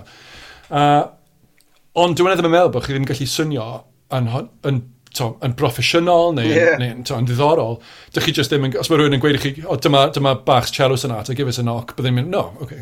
so, uh, so, so sut, sut wyt ti'n dysgu sut i chwarae offeryn ar ben dy hun? So, ti'n modd, sut ti'n dysgu i diwnio, neu ti'n modd, beth yw mm. tiwnio gitar, ti'n modd, sut ti'n dysgu yeah. pethau hynny? Uh, OK, so mae yna ma, na, ma na help bach ar y reit ar y dechrau, achos o dad yn chwarae, o dad, nath dad dysgu hi'n i chwarae gitar. Okay. Felly nath e ddangos... O, nath e ddysgu sut i ti? Yn union, yn union. A dyna'r diwyllion llafar yna. Yeah, so mae rhywun wedi eistedd fe lawr, a wedi dangos iddo fe eisiau i tiwno gitar. So mae fe wedyn wedi eistedd lawr, achos mae yna tric i tiwno gitar yn dos. Chi'n mynd ar y pumed ffret, a chi'n chi chwarae'r yeah, un nodyn, a wedyn heblaw am y B string, a wedyn chi ar y pedwerydd. A unwaith chi'n gwybod hwnna, dyna fel chi'n tiwno gitar. Mm. A stim ots wedyn os mae fe mas o diwn concert pitch, mae bynnag, mae fe mewn tiwn gyda'i hun. Yeah, yeah. Um, a wedyn, unwaith oedd hwnna fyna, dwi'n meddwl, um, gweithio mas, ie, yeah, siwr i chwarae cod. A mae fe'n ma fe ymddangos fel tasg amhosib pan ych chi'n dechrau, yn dweud. Um, y ffordd mae'r bysedd fod i weithio, y cryfder sy'n angen, mae jyst yn mynd unrhyw synnwyr. A wedyn pan chi'n trio symud rhwng cods, mae fe'n jyst yn wel, mae'n bembleth. Mm. A chi'n treulio chwech wythnos, dau fis, jyst yn, just yn swnio'n awful. Mm. Ond wedyn, mae yna rhyw bwynt lle chi yn gallu just clicio, ie. Yeah. A chi'n Dyn... chwarae un neu ddau gan, a wedyn yeah. bwmff, chi, chi bant wedyn. Dyna dyn beth ddigwyddodd i fi pan o'n i'n dysgu sut i chwarae gysar, o'n i just, o'n just ddim yn, just ddim yn deall sut, sut i, chymod, gweithio'r offer yma, ond wedyn just trwy, just trwy eistedd efo'r gitar, am... Um, cyfnod yma, doedd e ddim, oedd e lot mwy na, na dwy fus i fi, ond oedd e just, just bron dros nos, oedd e fel, oh right, dwi'n deall sut i ddal yr offeryn a sut i ddal yeah. y nod yma, a symud, a wedyn o fan mae gennych chi sylfaen i, i allu adeiladu yn does, ond Os... yeah, just yn weird, fel mae'n just yn kind of clicio dros nos fel yna. Ydy, a hefyd, fel ti'n gweud dros nos, mae hwnna'n pwynt bwysig, dwi'n meddwl, achos yn aml, yn wedi, hyn o nawr, mae hwn yn digwydd fi lot, dych chi'n ymarfer a ymarfer rhywbeth y diwrnod cyn, a chi'n ffili, ffili cael e, wedyn chi'n cysgu, a wedyn mm. diwrnod ar ôl ni, chi'n cael crac o'na, a chi'n bwrw fe yn iawn y tro cyntaf, mm. a mae hwnna'n digwydd i fi lot, hyn o nawr, A achos mae'r ma ymenydd yn dal i weithio prosesu pethau pan ych chi'n cysgu ac yn slotio pethau mewn. Felly os ych chi jyst yn parhau ymarfer, falle chi ddim yn meddwl bod chi'n gwella, ond dych chi yn, achos mm. chi'n chi gwella pan ych chi'n cysgu. Mae'n amazing. Yeah. Um, Yr is ymwybod, dyna ni. Ie, yeah, cwni. Yeah. Um, ond, ie, yeah, ti'n meddwl, unwaith o'n i ar y pwynt lle o'n i'n gallu chwarae cwbl o cods, o'n i'n just yn hooked wedyn, a mm. mae fe ddim yn byth yn ti'n pethau mynd yn ddiflas wedyn, achos chi wastad gallu ffeindio pethau newydd yeah. sy'n diddor i chi. A, a ti'n gallu, ti gallu gwneud lot gyda just dwy neu tri cord hefyd yn dwy ti, so ti'n gweld, mae, yeah. uh, yeah, y potential wedyn just yn, chwbod, di derfyn. Ydy. Dyna air i ti, Llwyd. Lovely bus. Impressed all round, i fod yn honest. Um, Ti'n chwarae unrhyw beth, Llywyd?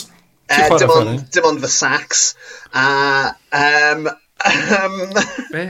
Na, Dy sac? The Sacks. The Sack. Ti'n... Na, dwi, dwi ddim... O'n i yn... Amser o'n i yn yr ysgol... O'n i'n mewn band? O'n i'n desperate i fod mewn band. O'n i'n, ti'n mo, fatha cael fatha awakening cerddorol um, da, ti'n mo, dechrau'r 90au, so ti'n mo, Happy Mondays a hmm. Nirvana mm. a oedd e'n mor bwysig i fod mewn band. Ac yn, yn Glantaf, mo, yn arwen lan i'n nghyfnod i yna, oedd na bands mawr wedi dod o, o Glanta. Ie, ie, ie.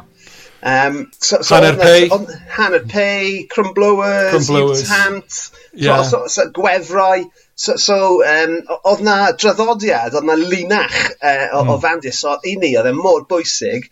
A o'n i methu chwarae dim byd. Na? A, ond o'n i'n ffrindiau gyda uh, Tom Rebels. A mae Tom yn, ti'n mae Tom yn, yn gitarydd, a fel ti, ma' fe'n gallu chwarae, rho hanner awr iddo fe gyda unrhyw offeryn a bydd e'n gallu chwarae tiwn arno fe right? Mm, mm-hmm, mm, m m m. Mm-hmm. A a o- o- ag o'n i'n big mates gyda Tom so odd e fel ti'n mynd i ni'n mynd i fod mewn band fi'n mynd i ddysgu'r baselines i ti. A 'na fel oedd hi, O- o- odd o- odd o'n i mewn dau fand gyda Tom a bys y Tom yn ysgrifennu'r caneuon a a byse fe'n dysgu'r baselines i fi pretty much parrot fashion Yeah. A, a, a oedd hwnna, na gyd o'n i moyn, o'n i just eisiau bod mewn band, man, a oedd e'n, oedd e'n fucking amazing. yeah. A dyna fel dyna fe fod. Ie, ond o'n i eisiau gofyn i ti, achos ti'n, um, ti'n, ti'n, ti'n, yn, yn, yn chwarae, well, The Gentle Good, a ti'n chwarae gyda offer, offer rynwyr a eraill a can, can, can, cantorion arall. Um, ond wyt ti wedi bod mewn band, as in band go iawn. A, a dwi'n cofio yeah. rhywbeth gyda Richard James rhywbryd? Ie, yeah, ie, yeah, ni'n mynd barn gyda Rich. Um, ie, yeah, to, yn amlwg, pan o'n i'n 15 mlynedd oed nes i'n wneud rhywun peth o ti, o'n i'n mynd band gyda, gyda ffrindiau ysgol, ond just wnaethon ni ddim symud tu allan i atic uh, ah. ffrind, fy ffrind Hugh, Hugh Elfyn yn anffodus. Ond um, gaffon ni lot o hwyl yn bendant. Ie, yeah, um, yeah, ti'n meddwl, o'n i wastad moyn bod mewn bands, ond rhywsut o'n i just ddim yn hongen y biti gyda pobl oedd mewn bands, neu o'n i ddim yn nabod o neb. A, um, ond pan, da, pan dath Rich nôl uh, gyda'i solo records, um, o'n i'n ffodus bod fi yn, yn nabod e, a nath e gofyn i fi, nes i mynd ar daith gyda fe cwpl o weithiau. Um, a o'n i mewn i band e hefyd Pen Pastwn pan oedd e'n oh, yeah, uh, e, gigs fel na. Yeah. Um, ond oedd yna beth blurred line dwi'n meddwl rhwng stwff solo Rich a Pen Pastwn. Um, ond um, oedd gyd yn, gyd yn wych. A dyna, dyna oedd fy sort of ffenest bach mewn bands so yn chwarae lead guitar. Lead guitar, lead guitar. Yeah. Cymysgedd y beth. Oedd e'n confusing i fi, fo'n onest, achos o'n i'n chwarae lead guitar, oedd dim da fi, ti'n meddwl lead guitarists, mae dyn nhw fel pedal boards, a, to, a holl shebang, ac o'n i wedi dod o just chwarae acoustic guitar, a so dim, dim syniad i fi, a dim pedals neu dim byd, so o'n i just fyna gyda un Jim Dunlop wah-wah pedal nes i brynu yn y 90au. Na gyd chwarae... angen yna, ti'n meddwl. Ie. Mae ma Angus Young yn ACDC, ys ganddo fe ddim pedals. Gyd mae fe'n neud yw pan mae fe'n chwarae solos, mae'n troi'r volume i fyny ar ei gitar. No way! A wedyn pan mae'n gofyn i'r sôn, mae'n just yn troi yn ôl lawr a chwer y rhythm. Mae'n just yn, ie, yeah, dyna, dyna gyd ti angen. Dyna, dyna, syniad da, dyna ni wedi meddwl am hwnna. Um, ond, ie, yeah, o'n i chwarae bach... Be, mae'n mor syml. O'n i chwarae bach o banjo uh, a bach o... Oedd fi lap steel, ac yn un adeg oedd e'n ffacini roi lap steel trwy'r waw a pedal am oh, ie. so, so lot o hwnna'n mynd lan. So yna dwy pedal felly?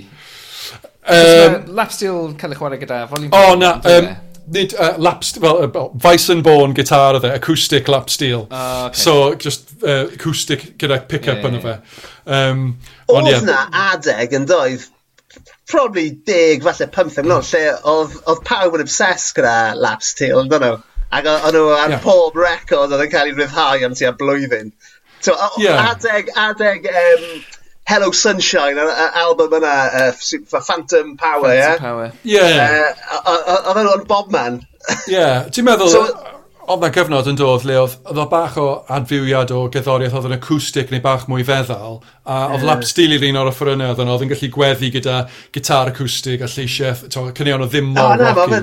Os yeah. mae'n cael ei ddefnyddio'n iawn, Oh, mae fe'n amazing, ond mm. mae yna hefyd, chi'n gallu rhoi ar gormod hefyd, ynddo chi? Ie. Yeah. Ydy, ie. So, hmm. ti di cynnwys slap steel ar dy records di? Gareth, fi'n trio meddwl hwn? Mae yna un, actually. Yeah. Um, nath, um, pan o'n i'n recordio Ruins, o'n i gyda Dylan Fowler. Chi'n abod Dylan? Mae dy fe studio wych lan yn um, Abeg y Feni, fel un, uh, fel un fach studios. Yeah. Ac um, mae... Um, lap steel dy fe, a nath e, pan o'n i'n recordio uh, The Fisherman, nath e awgrymu bod ni'n rhoi fe ymlaen, ond nath e fynd am rhywbeth subtle iawn, to, um, just mwy, just rhywbeth o tôn yw e, ond os chi'n gwrando ar y record yna, mae fe fyna ar, yeah. ar, to, ar y top. Um, ond dyna'r unig un sydd y fi, ond um, yeah, mae yna ma lot o bobl actually, wedi gweud hynny, yn ddiweddar nes i recordio gan y gyfer um, album elusennol uh, Corona Logic. Oh, mate, run Christian, run, mit, mae dy ffynu di o'n run. Siarad am hwnna. Do, nes i ddewis e, fel, fel, fel y peth sy'n neud fi'n hapus tua mis yn ôl. A, oh, a, a, a ti'n meddwl, mae yna lot o, o ganeion o, o tracks sy'n sefyll allan, ac oedd oedd y fersiwn di o Run Christian Run fyna. Fi bron... O'n i'n gwybod yn union, ie, cyn i ni recordio, nath Llywyd dweud, o, dyma beth dwi'n mynd i siarad am y, y, y rhyddhad yma. Ac o'n i'n gwybod sydd byd oedd e'n mynd i siarad am uh, dy gan di enw fe, achos, ie, yeah, a, a y thing um, efo dy waith di hefyd, Gareth, yw, rwy ti'n kind of, defnyddio arddulliau gwahanol trwy'r amser, ond mae fe wastad yn swnio fel tŷ. Unmistakably um, Gareth Bonello. Ie. Yeah. Um, a falle yeah. mae hynny'n ma, ma hynny dod, oedd y tî'n kind of, uh, crybwyll i rhywfaint o'r blaen trwy dysgu dy hun sut i chwarae pethau, rwy ti'n yeah. dysgu sut i fynegu dy hun a sut mae ti, ti sy'n gosod telera'r berthynas rhwng ti ar y fferin can y peth, ti'n mo? Yeah. A, a felly mae dy lais di yn dod trwy'r pan ti'n chwarae'r offeryn. A, a, mo, a mae hynny jyst yn amlwg trwy, trwy dy waith di, dwi'n meddwl.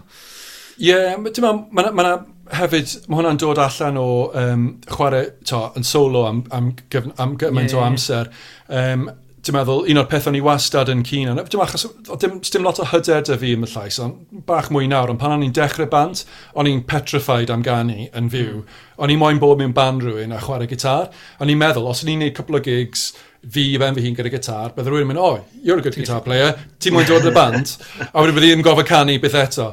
Ond nath e ddim digwydd fel yna, ond be nes i gweithio mas fel rhyw fath o han ffordd hanner oedd, um, harmoneiddio gyda'r gitar a defnyddio'r gitar mwy fel rhywbeth sydd yn cefnogi'r llais i roi mwy o hyder i fi. A wedyn yn od, mae'n nath o fel ti'n sôn, nath o'n mwynlau datblygu mewn i rhywbeth arddull nodweddiadol o'r ffordd dwi'n dwi mynegu fi hun.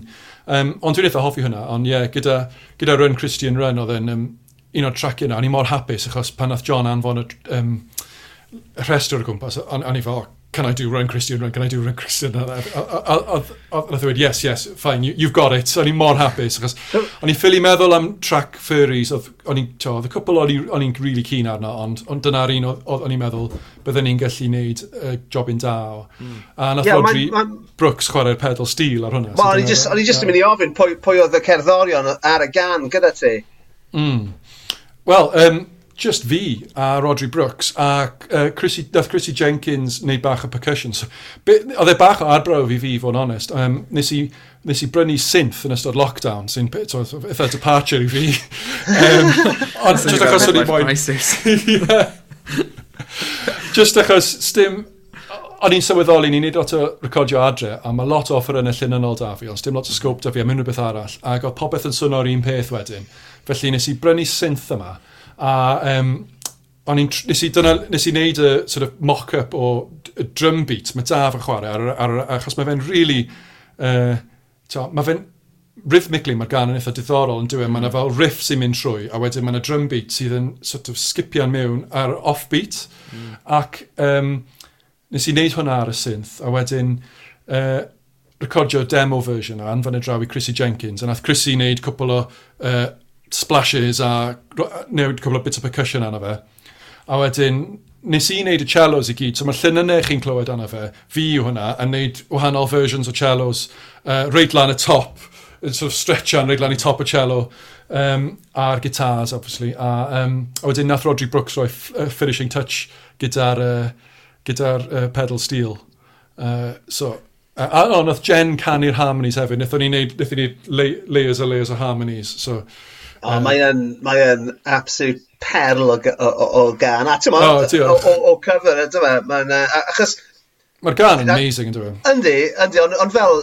Fi'n meddwl o'n i'n siarad ar, ar y benod lle o'n i'n trafod yr, uh, y cyfanwaith bod, ti'n Tewa, mae unrhyw un gallu canu cover, right? ond, ond, ond mae'n wahanol jyst wneud cover o gan a ti'n mo, rhoi stamp a gwella ar berffeithrwydd os ti eisiau. Dwi'n mynd o'n bell o hynny. Wel, Timo, mae'n ma cwpl... Ar... yn berffaith. I don't know, man. Mae'n ma cwpl o tunes sydd yn, timo. Ond, um, timo, ag, ar y casgliad yna, mae yna... Timo, fi... lot. Mae yna mm. loads o ganeion lle mae... Um, o, oh, beth yw yna, Wibberdy yw enw fe, fe. Mae fe, yeah. mae Mountain... Mae ma, ma fe jyst yn rhoi stamp ei hun. Just fel nes di, mm. timo. Mae ma, ma, ma, ma, ma, ma, ma, ma, yy yn cyflwyno rwbeth hollol wahanol ond hefyd yn hollol driw i'r gwreiddiol a... Hmm. ...yy jyst f- dau fersiwn amazing. A hmm. fel o'n i'n gweud hefyd ar y pryd t- gallen ga- ma' 'na ma' 'na ddigon o ganeuon 'dyn nhw yn eu ôl gatalog i ca'l fath o pedwar pump casgliad arall yndoes? Hmm. Yym. O's. So so ie byswn i'n hoffi yy i i i hynny ddigwydd. Yym. Ie. Ie. Ie yeah, chwarae teg. Mae ma, chwarae teg i John uh, uh, am roi hwnna i gyd at ei gilydd, to, uh, John, John Linarski.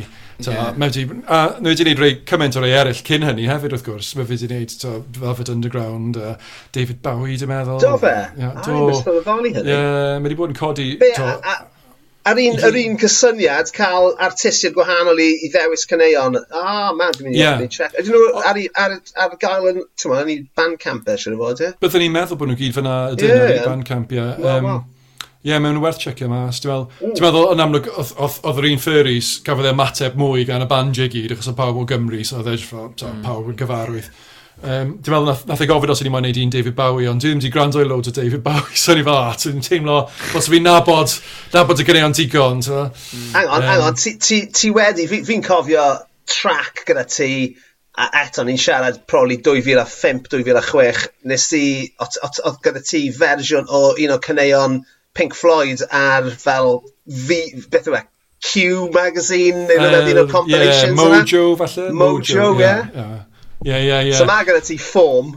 Os, ia, dwi'n gallu dysgu, dwi'n gallu dysgu unrhyw gan, os chi'n rhoi digon amser i fi, dwi'n gallu lawr o dysgu fe. A fel, fel to, achos bod fi ddim ond yn gallu chwarae fel fy hun, mae fe wastad yn swnio fel fi. yeah, uh, that's not a bad um, thing. Wel, oh, ond, um, Ie, yeah, oedd hwnna'n hwyl. Ond dwi'n hoffi wneud hwnna, cymryd to, cyfer a, a chwarae fe yn ffordd fy hun, achos mae fe yn... Um, mae fe'n gallu rhoi bach mwy o hyblygrwydd i fi, falle arbrofi, gyda rhywbeth byddwn ni ddim yn neud fel arfer fel artist solo. Yeah. Ond wrth gwrs um, hefyd, ti yn, uh, mae gyda ti hanes o fynd i archif Sain Fagan, archif Gwerin Sain Fagan, a mm. cymryd caneuon traddodiadol um, Cymreig yn bennaf, fi'n meddwl, a ti'n meddwl, a cynnwys nhw ar dy records di hefyd, mae'n wir yn dweud? Os, ie, ac, ac yn y llyfrgell genedlaethol a pethau fel yna. Ti'n meddwl, mae hwnna'n just yn broses, dyna'r dyna, dyna ffordd chi'n gallu ffeindio lot o uh, hen alawon a bethau fel yna. A, a, to, ma, maen nhw gyd ar gael um, rhywle, ond... A mae lot o bobl wedi recordio nhw. Dwi'n credu bod fi byth... Di, no, dwi wedi recordio pethau sydd heb gael ei recordio o'r blaen, ond mae rhan fwy o'r stwff dwi'n recordio wedi cael ei recordio gan bandiau eraill hefyd. Yeah. Uh, mae fe jyst yn diddorol clywed fel mae pobl wedi dehongli'r ganeion yma yn y gorffennol. Um, os, os na rhywbeth uh, yng Nghasgad St Frank, dwi'n hanner cofio rhyw stori lle mae rhywun di mynd ati i recordio cyneuon werin, hen cyneuon werin Cymru. Ti oedd hwnna? Neu rhywun cyn ti? falle, rhywun, falle rhywun yn y 60au nhw wedi cael oh, yeah, hen yeah. bobl yma.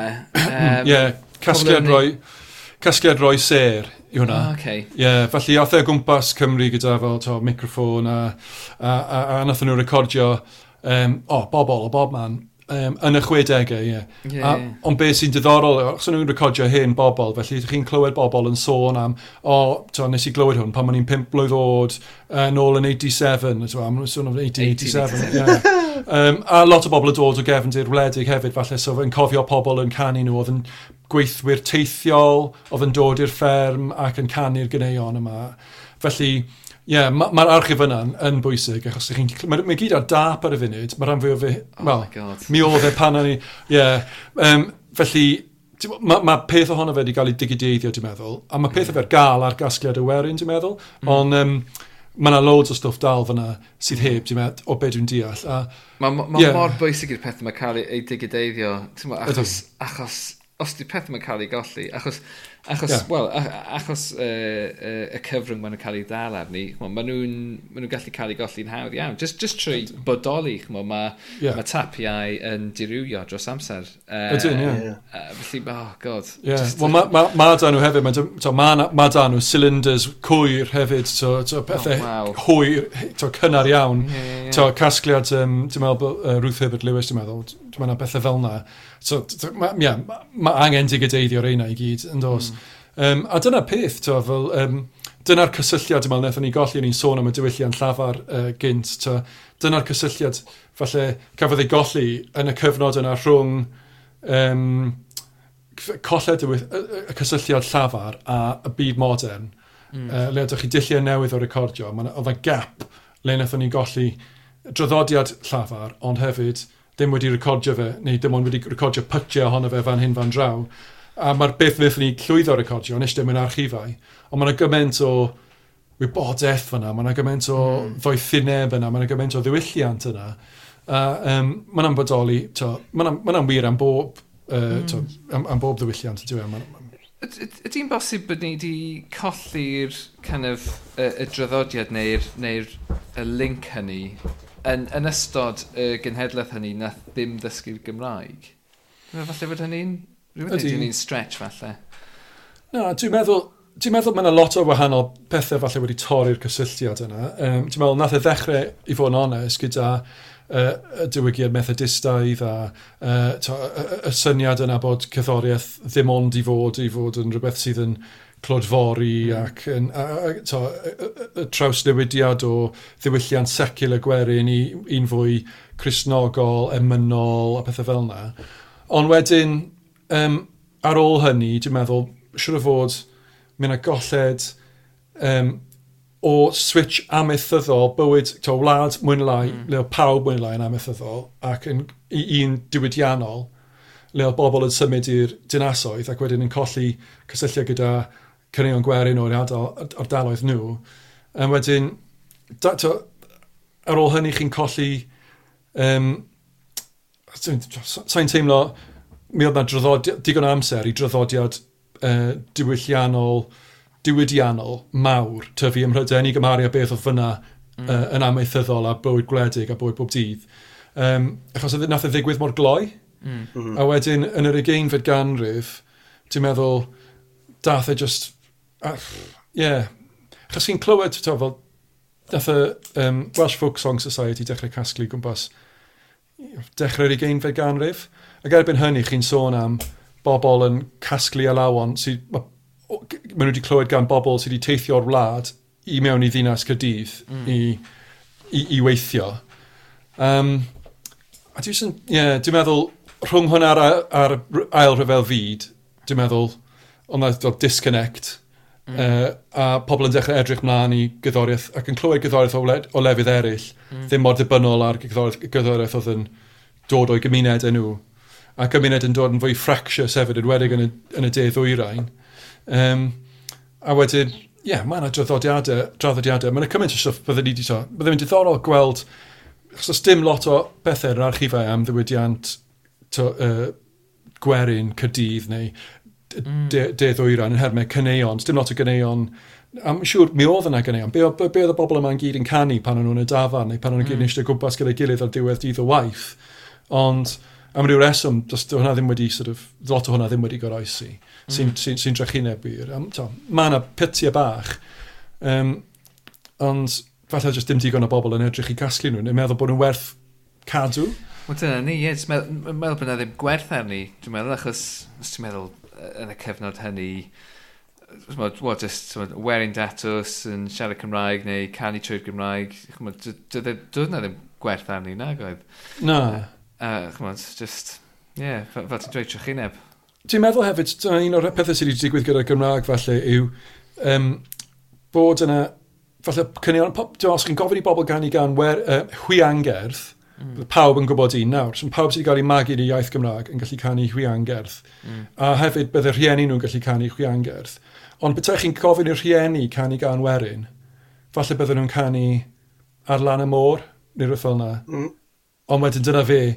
A dwi'n meddwl, hyn oed os ti'n mynd gynhedlaeth nôl eto, falle i fel dechrau so, 1920s, 1930s, pobl yn cael ei geni fyna, faint o bobl yna So, bydden, bydden nhw wedi gwybod rhian gerddi, ond falle, falle bydden nhw hefyd wedi gallu canu cyneuon gwerin o'i mm. ardal nhw, falle bydde mam neu mam gi wedi canu. Mm. Ond dwi'n meddwl gyda genhedlaeth, um, falle fy rhieni i a rhieni llwyd a rhieni li, falle um, mae lot, wel, sôn yn bersonol, so dwi'n meddwl bydde mam yn gwybod cyneuon gwerin heblaw am chwian gerddi ac un adnabyddus. Achos falle eto, mae'r iaith Gymraeg, falle o'r genedlaeth yna ddim wedi cael ei ystyried yn rhywbeth mor werthfawr, a mae'r diwylliant i oedolion ddim mor bwysig, ond mi oedd ei blant.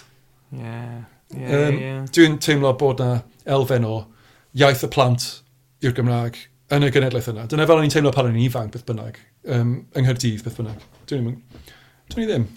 Ah. Philosophy bach fy hun yw hwnna. Na, mae'n ddiddorol iawn, achos o'n i... Cymraeg fel iaith y plant, Dyna ddim rhywbeth dwi erioed wedi ystyried, ond mae'n hollol wir. Pan ti, yn wedi yn y cyd-destun yma. Mm. Um, yeah. Yeah. Dwi'n meddwl, o'n i'n teimlo pan o'n ifanc, lot o bobl yn siarad Cymraeg yng Nghyrdydd, ond wedyn, bydden nhw'n switcho i Saesneg pan yn siarad gyda'i gilydd, oed, oedolion nawr. So siarad Cymraeg gyda plant oedolion. A felly i fi yn tyfu lan, oedd Cymraeg yn iaith oedd y plant yn siarad gyda'i gilydd, a, a wedyn ac, oedd y plant yn siarad mewn ysgol gyda'r athrawon, ond uh, iaith ti fi uh, oedd Gymraeg tan o'n i'n yn farddegau, wedyn nath e switcho i Saesneg. A dwi'n nabod lot o bobl nath dyfu lan yng Nghyrdydd, um, gafodd yr un fath o beth, a dwi ddim yn siŵr pam. Pam ddigwyddodd hwnna yn dy DD, gai ofyn? Dwi'n gwybod. Nath dy rieni di stopio siarad Cymraeg gyda chi? Mwy neu lai, um, dwi'n meddwl, dath e ddim, ddim penderfyniad bwrpasol o dde, dwi'n meddwl peth graddol o dde. Mm. Um. Dwi'n meddwl, dwi'n meddwl, achos dysgwr oedd dad, ond nath e y fynd mlaen i fod nathro Gymraeg. Felly oedd Gymraeg, Gymraeg yn ffain, a mam dod o Lanelli, ac um, ddim wedi cael addysg uh, Cymraeg, ond yn gyffyrddus yn siarad mm. Gymraeg yn amlwg. Ond dwi'n meddwl oedd y disconnectio oedd diffyg hyder academaidd gyda mam yn y Gymraeg, ac oedd falle diffyg ymarfer fel uh, byw mewn gymuned Gymraeg gyda dad, felly o'n nhw'n nhw wastad eisiau Saesneg gyda'i gilydd. Um, a wedyn siarad Cymraeg gyda plant. Ie, yeah. na mae hwnna'n ddiddorol iawn, os mae hwnna'n um, yn atseinio ac yn adlywyrchu, uh, mo, fy, fy dynamic teuluol i, achos a'r gair, um, mo, allweddol fyna yw hyder, right? So mae ma fy yeah. i yn dod o deulu o Saeson um, wedi cael ei magu yng Nghymru, ond mewn cartref um, Saesneg yr iaith. Mm. A, a'r gwir yw, tas Lisa heb gwrdd â fi pan nath i bysau byth wedi siarad Cymraeg eto. Um, ond ond er, er bod ganddi ffrindiau, mae dim ond yn siarad Cymraeg gyda. Mm. Um, dwi ddim yn hyderus yn siarad Cymraeg gyda fi, so So ti'n ne- so ni ni yn t'mod ni ni'n fel teulu ni'n siarad Cymraeg a mae Lisa'n siarad Cymraeg ond wedyn fi t'mod os os 'yn ni'n cael sgwrs ni'n siarad Saesneg gyda'n gilydd achos... yeah. mae Lisa yn lot mwy cyfforddus a hyderus yn neud hynny ond wrth gwrs Dwi, dwi, dwi, ddim yn deall, dwi ddim yn deall pa mor ratog yw'r Gymraeg di. Mae hi jyst yn cael ei fygwth gan dy enw di.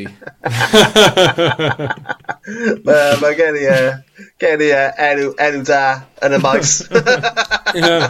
Ond ie, mae'n ddiddorol. Mae ma, ma dynamics y peth a mae yna fai ar ar, ar just gymdeithas Gymreig, achos ti'n ma, ma na, ti'n clywed yn aml gyda pobl sy'n dysgu bod pobl yn, yn, yn roi nhw lawr ac y plismyn mm. iaith yma mm. sy'n ffucking hala chi'n absolutely benwan yn dweud achos ti'n mo yeah. pwy ot ti'n mo pa fath o Gymraeg sydd sy, sy dati just ti'n mo mae ma, ma mor bwysig cadw fe yn fyw unrhyw ffordd gallwn ni yn dweud so mm. ond dyna'r dyna, dyna, dyna peth ti'n meddwl dyna le mae yna pobl wedi cael y syniad anghywir ti'n meddwl bod nhw'n maen nhw'n cam ddeall beth yw pwrpas cadw'r Cymraeg yn fyw, Ac maen nhw'n meddwl mai ddill cyfathrebu yw e, a, a, a dim ond dill cyfathrebu yw e. Dyna be, dyna be bydd y pobl sydd yn erbyn yr iaith yn, yn dweud, wel, dyw e ddim yn dill effeithiol lan o gyfathrebu, os y pobl ddim yn deall enw, mae pobl yn cael mm. di, dioddau diffyg hyder. Y beth yw, mae yna holl, mae yna ddiwylliant, a mae yna gwybodaeth, a mae yna hanes, a mae yna cymaint wedi ynghlwm i'r iaith, Mm. Dyna'r reswm i, i, i gadw yn yeah, fyw. Man a dyna reswm i helpu bobl i ddysgu amdano fe. A dwi'n teimlo falle, um, wel, mewn rhai cylchoedd falle, mi oedd y, just y, y pwysau i, ga, i godi'r genhedlaeth nesaf o siaradwyr Cymraeg wedi wneud i, wneud i falle pobl anghofio am y bwysigrwydd o'r, or holl diwylliant ar ystyr fyna. But ddim just am vocabulary a yeah. tre, treiglo'n gywir, bod na, bod na reswm. Mae amdano hefyd, mae amdano dysgu cyneuon werin, nid jyst hwi angerddi. Mae hmm. amdano dysgu hanesion am eich ardal chi. To, pethau fel na, dwi ddim yn meddwl, dyn ni jyst falle'n trio deall hwnna nawr yn dyn ni mewn ffordd. Um, Ond mae'n diwylliant... Dwi'n... Mae'n diwylliant ni, as in diwylliant yr iaith Gymraeg yn gyfoethocach nag erioed heddiw, nag i mi? Gyda, ti'n Mae'r cerdd, cerddor, mae'r cerddor, mae'r sîn gerddorol mor ffyniannus. Ni wedi gweld twf um, podlediadau dros well, amser dechreuais i wneud um, does dim gair Cymraeg am random yn 2018. Ti'n ag ail. Falle trydydd falle, yeah. t'mo' definitely yn y yn y yn y pimp cyntaf i ddechrau, A nawr... yeah wirioneddol, mae yna... Mae yna ma pimp yr wythnos yn dechrau. mae yna gymaint, mae'n amhosib cadw lan. Like. So, ti'n ma, a mae hwnna yn adlywyrchu diwylliant byw, yn dweud? Ydy, ydy. Ydy, yn bendant. Dyna be dwi asy'n teimlo am y sy'n sy gerddoriaeth Gymraeg. Yeah. Dyna, dyna yw un, o, un o'r pethau mwyaf nodweddiadol am ddiwylliant byw Gymraeg yw'r ffaith bod yna sy'n gwbl anebynol yn y mm. iaith Gymraeg sydd yn amrywiol ac sydd yn tyfu ac yn mwyn yn fwy amrywiol trwy'r amser. A bod pobl ifanc yn dewis wneud hwnna um, a, achos bod nhw'n caru i wneud e a maen nhw'n mm. moyn mynegu hunain yn y iaith i hun. A mae hwnna yn mor bwysig. A, to, os oedd ran i fi bydde pethau fel podlediadau a'r ddiwylliant yma, y ddiwylliant sort of amgen Gymraeg yn cael lot fwy o sylw ac yn lot fwy, mm. um, yn cael ei ddathlu lot fwy o fewn uh, to, um, cyfryngau Cymraeg a pethau fel yna, ac, ac o fewn pryden wrth gwrs hmm. hefyd, mm. achos to, to, um, ar y funud, dwi'n meddwl mae yna ma angerdd a ddiwylliant a uh, amgen diddorol ifanc brwdfrydig yn bodoli, ond dyn ni dal yn siarad yn hynny'n lot, mm. ti'n meddwl. Yeah. Um, a mae'n ma wych os dyn ni ddim yn neud e am, am, am, y sylw yna, ond yeah. dylai fe gael i gyd nabod i beth dwi'n gweud.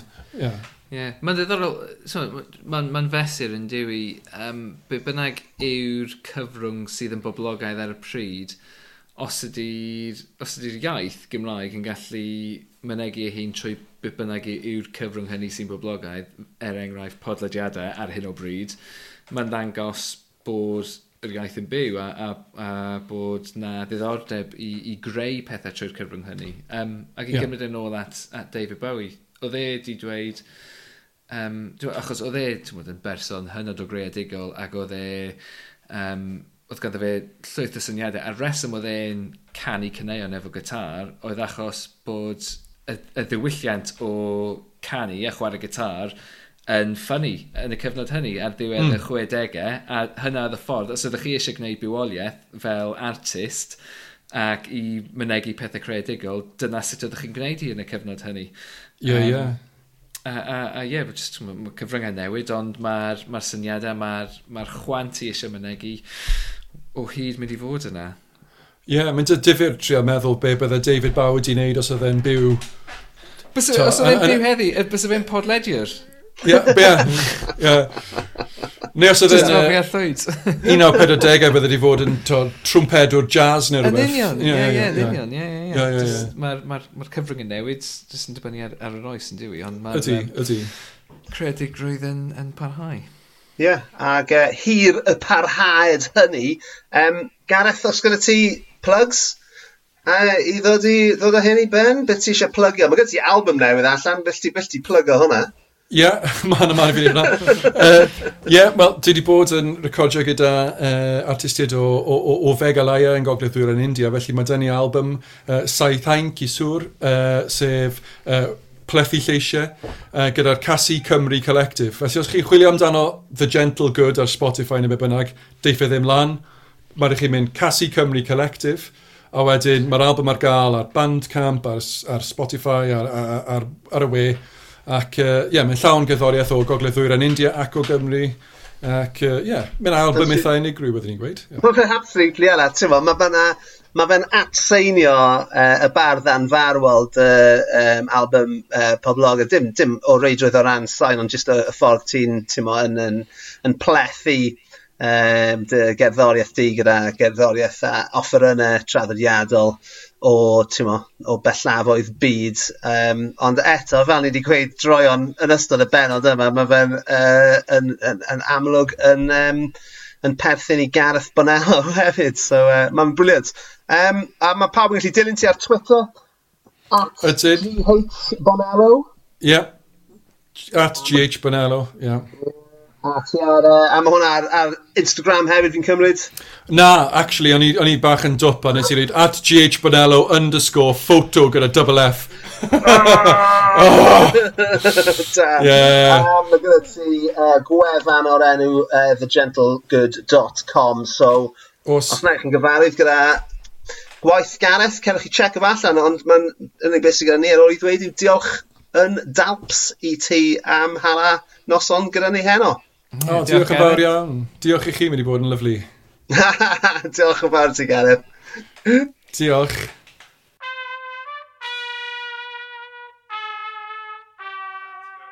Wel, dyna ni am benod arall o man bach, am taith am daith i ni fynd arni. Hanes cymdeithasol y Gymraeg, hwiangerddi, cneu Werin. ac uh, wrth gwrs y pethau bach sy'n gwneud Gareth Bonello yn hapus uh, yeah, man. Llwyd.